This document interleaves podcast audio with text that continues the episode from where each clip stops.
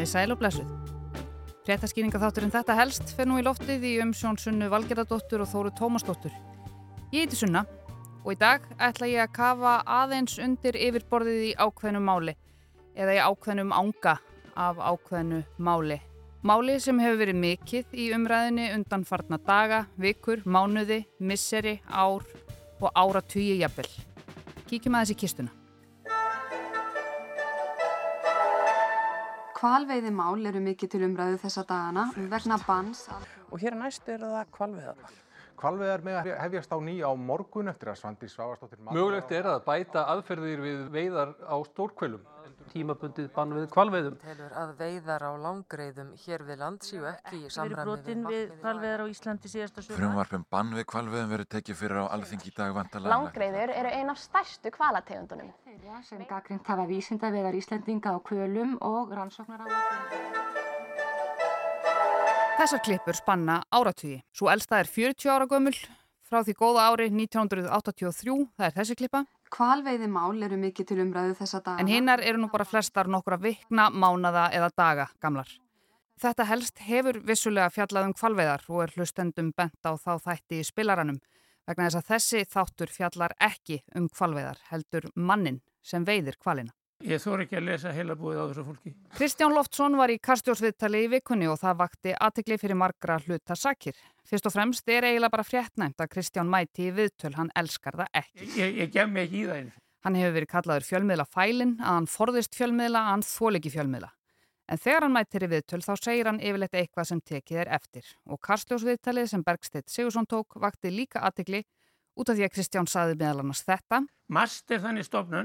saði er Það er enginn þar innan þeirra, mér vitanlega, sem hefur neitt vit á sjósókn. Og svo sagði hann líka þetta. Hvað hafið orðið að miklum tekjum þá á þessum tíma? Það, ég nenni ekki að rekna það út. Og Kristján sagði líka þetta. Ég hef aldrei séð teknar einar skoðanakannanir til dæmis í, í stæðstu ríkjum heims eins og Índlandi og Bangladesh. Hvaða skoðan hafa þeirra kvalvöðu? Við myndum ekki endilega vilja indverjar og, og kínverjar fara að velja kval í stórum stíli það? Já, þeirra var uh, mikið hafsvæði og, og ég alveg hissa á indverjum. Þeir eru nú að drefast úr hungri mikið þannig að Þetta er mikill matur.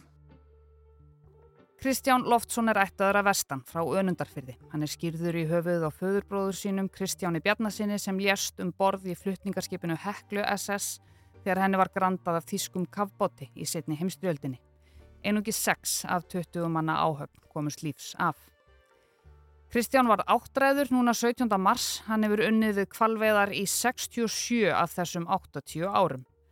Pappi hans, Loftur Bjarnason, stopnaði Kval HF 1947 á samt félagar sínum Vilhjálmi Átnasinni. Og sinir þeirra, þeir Kristján og Átni, tóku svo við rekstrinum eftir að hafa verið eins og húsgögn í fyrirtæki feðra sinna frá sjóblautu Bartsbeini.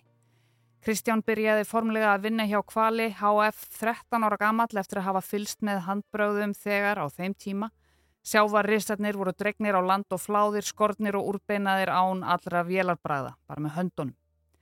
Hinn 13 ára gamli Kristján komst fyrst á launaskrá á kvalveðibát þar sem hann vaskaði upp og skúraði. En árin liðu og rúmlega þrítúr tók hann yfir fjölskyldu fyrirtækinu á samt átna eftir að fadir hans lést.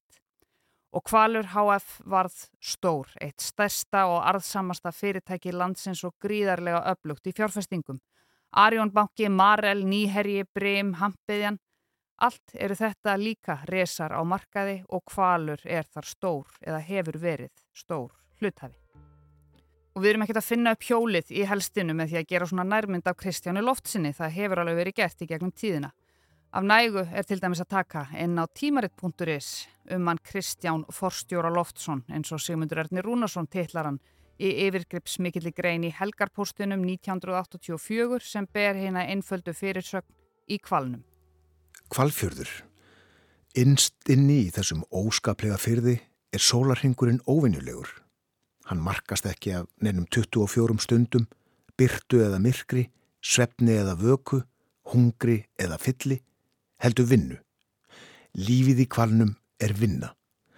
Þetta fimmstafa orð tifar ákaft í hjörtum starfsmannana, allan tíman, sumarið á enda. Sigmundur Ernir fer mikinn í greinsinni sem er stór skemmtileg og fjallar um lífið á kvalveði vertíðinni, matinn, einangrunina og hassreikingarnar. Hassnislan er nokkuð svipuð og brennivinsnislan í kvalnum að þér strákarnir segja mér.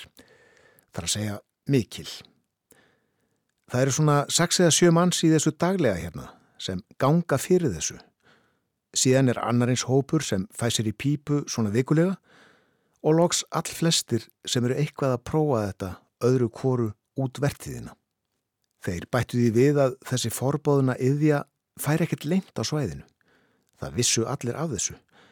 En þetta væri annars lítið rætt. Kanski svo sjálfsagður hluti af kvalskurðinum hafði einn til máluna að leggja. En topparnir, yfirvaldið, jú, þeim er þetta full ljóst en gera aldrei skurki í þessu. En það þýði það ekkert. Fréttatíminn gerði prófílum Kristján fyrir nýju árum og skrollandi létti í gegnum það verist ekkert rosalega mikið hafa breyst síðan þá. Í einu hliðarefninu er fyrirsögnin áhrifamadurinn Kristján Loftsson og hún á líklega enn við. Þar eru talin upp þau félög og fyrirtæki sem Kristján var tengdur, eru auðvitað kvalur og svo var það vogun fjárfestingarfyrirtækiðan sem var stærsti hlutafi HB Granda, svo var það Hampiðjan. Þarna var Kristján stjórnarformaður HB Granda og í stjórn Hampiðjunar og svo segir fréttatímin að kvalur eigi líka mikill að hagsmuna að geta í upplýsingafyrirtækinu Nýherja sem er endar Origo í dag. Kristján satt líka áður fyrir stjórnum Fiskifélags Íslands, Landsambands Íslenskra útvaksmanna og svo var hann líka varaformaður viðskiptaráðs Íslands og satt í stjórn samtaka atvinnulífsins. Hann var líka tengdur ungliðarhefingu sjálfstæðisflokksins á einhverjum tíma og Kvalur HF hefur sömulegði styrt hinn að ymsu stjórnmálaflokka aðalega á hægri vagnum, mest megnis sjálfstæðisflokkin og framsóknarflokkin. En síðan þetta var skrifað í fréttatíman eru liðin nýju ár. Frjálsverslun gefur út árlega heið viðlesna tekjublað þar sem tekjur útfalina Íslandinga eru settar fram. Þar eru alltaf einhverju sigurvegarar, þau sem borga mestan skatt og í ár voru meðal þeirra sískinni nokkur, þau Kristján og Birna Loftsbörn. Loftsbörnin eru meiri hluta eigandur Kvals HF sem hefur hagnast vel á hlutabriða fjárfestingum og síðustu árum. Kristján var stjórnarformaður HB Granda til 2018 en þá seldi kvalur og tengt félög 34% hlutsinn til Guðmundar vinalösa Kristjánssonar. Stærsta eign kvals í dag er rúmlega 41% hlutur í hampiðjunni og er kvalur því stærsti hluthafi félagsins. Þá á kvalur hlut í fleiri skráðum félögum og Kristján er líka búin að fjárfesta dögulega í Marel til dæmis fyrir rúman miljard. En nú skulum við segja skili við hlutafélaga, prósendur, kaup og sölu. Við vitum að Kristján hefur verið og er umsvefa mikill í viðskiptalífinu. Hann á rosalega mikla peninga. En fyrst og fremst er Kristján Loftsson maðurinn sem veiðir kvalina. Hann er það í dag og hann var það 1986. Sýtaðis í dag náði fréttamaður talaðu Pól Watson, einum aðalmanninum í Sea Shepherd samtökunum sem hafa viðurkjent að hafa sökt kvalbátunum tveimur í Reykjavíkurhöfn í morgun.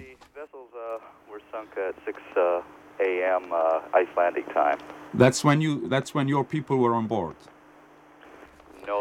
Fréttamaður útvarps var stattur niður við Reykjavíkurhöfn þegar ljóst var... Kristján Lofsson, fórstjóri Kvalsáöf. Hér er greinilega um skemdaverka ræða. Hverjir heldur þú að standa bak, bak við þetta? Ég get ekkert um það sagt. Ég hef enga vísbendingar á nokkur nátt um, um það hver, hverjir þarna hafa verið að verki. Það er alveg, ég hef ekki nokkur einustu. Er ljóst var nú í kvöld að Pól Watson hefði tekið á sig ábyrð á skemdaverkum á bótum Kvalsáöf var leitað álits Kristján Slottssonar. Þetta kemur mér ekki á óvart, sagði Kristján. Það er vitað að þetta er hans yfirlist stefna að koma fram skoðunum sínum með skemdaverkum. Hann fór ítla út úr aðgjörðum... Og hann var það sannarlega líka 1. apríl 1988. Ég endur tek 1. apríl. Þrýr búrkvali strönduð á norðanverðu Seltjarnanesi rétt fyrir hádegi í dag. En Brotti Brottason er komin á staðinn. Já, Pál, ég er stattur hérna skamt frá þess stað þar sem kvalitir hafa strandað. Ég er ekki alveg viss hvort þetta er í landi Reykjavíkur eða Seltjarnanes. Við erum stattir nýður undan stórum nýlugum blokkum við Ánanaust. Hérna í fjörunni, skamt frá okkur eru þrýr stórir kvalir. Þetta eru 15-20 metra langar skeffnur, búrkvalstarfar, að því að sagt er. Þeir eru allir lifandi. Af einum þeirra verðist nú nokkuð vera dreigið en hínir eru já, vel frískir. Hérna úti fyrir eru fleiri skeffnur, ekki veit ég alveg hversu margir þeir eru.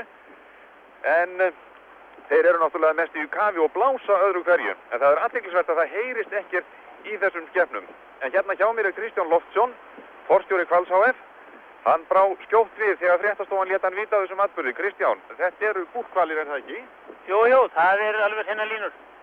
Sérðu einhverja möguleika á því að já, þitt fyrirtæki gæti nýtt þessar skemmur sem hér eru komnar? Nei, við höfum enga möguleika á því núna sko, það, við erum ekkert í gangi á þessum tíma árs og það tækir það langan tíma að kynna upp kallana og gera klárt að, að, að það myndi, þeir myndi vera það, það, það skemmtar afurði sem að þessu kemi en það líka er, eru menn að reyna það er að falla að núna sjóðu þannig að, að, að þeir að reyna að koma þeim út þessum þremur sem eru konur hérna inn fyrir. En er ekki verðmætt í, í, í búrkvalstönnum? Jú, það er nú eitthvað verðmætt í þeim en, en menn, þetta er nú með svona kannski til sem minnjagripi og, og, og þannig sko. En, en þér sýnist að væri möguleika að bjarga þessum skemmum hér úr fjörni? Já, ég er nú ekki sérfræðingur í því, satt með þetta að segja, en, en uh, það eru hérna aðeins sem allar reyna að, að, að koma þeim út. Kristján Lótsson þakkaði fyrir, já eins og Kristján segir, þá er hér hafsugubátur, komin hér úti fyrir, ekki vitum við hvað er ætlast fyrir, en eins og hann sagði, þá er að falla að og þá aukast möguleikatir á því að hægt verði að bjarga þessum skefnum. Því tennur storkvela eru fílabein norðursins eins og sagt var á fyriröldum.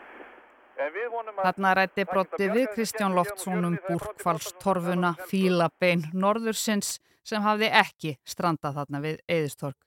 Meiri sprelli kallanir. Mörgum veitum kvölum síðar var Kristján þá stjórnarformaður Hápja Granda að greiða út hressilegan arð úr fyrirtækinu.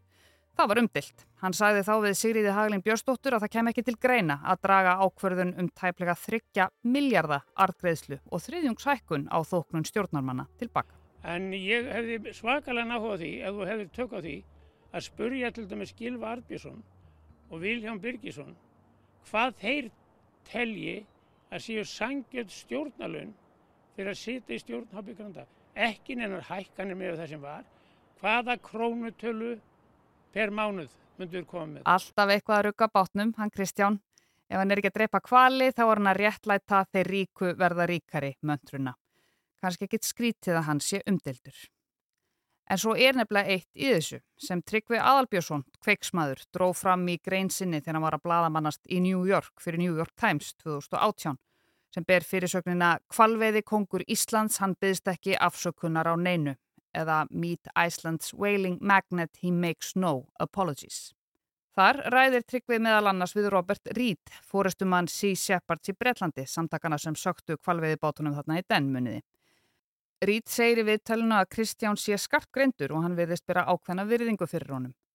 Ef þú spyrðan að einhverju þá svarar hann þér yðurlega en hann hugsa sig um áður en hann opnar munnin og það er sjálfgeft, sagði Reed þarna við tryggva. Í öðrum greinum er sama upp á teiningnum það er tekið fram að Kristján virðist hafa verið í ágætti sambandi við sína helstu gaggrinendur þar að segja að það er borin gagkvæm virðing fyrir ólíkum skoðunum. Það er einn klausa um þetta í DFF. Þótt náttúruvendarsamtök berjast af krafti gegn kvalveðum og hafa fordæmt æfistarf Kristjáns Loftssonar hefur hann átt í vinsamlegum samskiptum við þau. Aðtikli vekur að David McTaggart, stopnandi Greenpeace samtakana og formaður þeirra til margara ára minnist á Kristján í sjálfsæfisögu sinni og ber honum vel söguna. Djefaf rætti við Átna Finnsson, forman náttúruvendarsamtaka Ísland sem hefur setið fundi alþjóða kvalveðiráðsins. Hann staðfesti að vel hafi farið á með þeim David og Kristjáni. Þeir höfðu gaman hvora vöðrum, sátu, drukku og reyfust, segir Átni. Í frétt sjómanablaðsins Vikings frá árinu 1995 er fjalla stuttlega um samskipti þeirra á fundi ráðsins fyrir nokkrum árum og þeim líst á þessa leið. Þar er Kristján Loftsson einnig meðal fulltrúa, kurteisari en aðrir kvalfangarar. Hann drekkur viski á barnum og kostnað grænfröðunga og ræðir við leðtóa þeirra, David McTaggart, um eins konar málamiðlun í kvalveðideilunni. Við ræðunum líkur á því að Kristján segir, kurteis sem fyrr, nei, við treystum ekki glæpamönnum. Eftir þetta á David að hafa gengið niðurbrotin maður út af barnum. En þetta er skrifað 2013 og þá á bladamanninum Jóhanni Páli Jóhansinni sem er nú þingmaður samfélkingarinnar.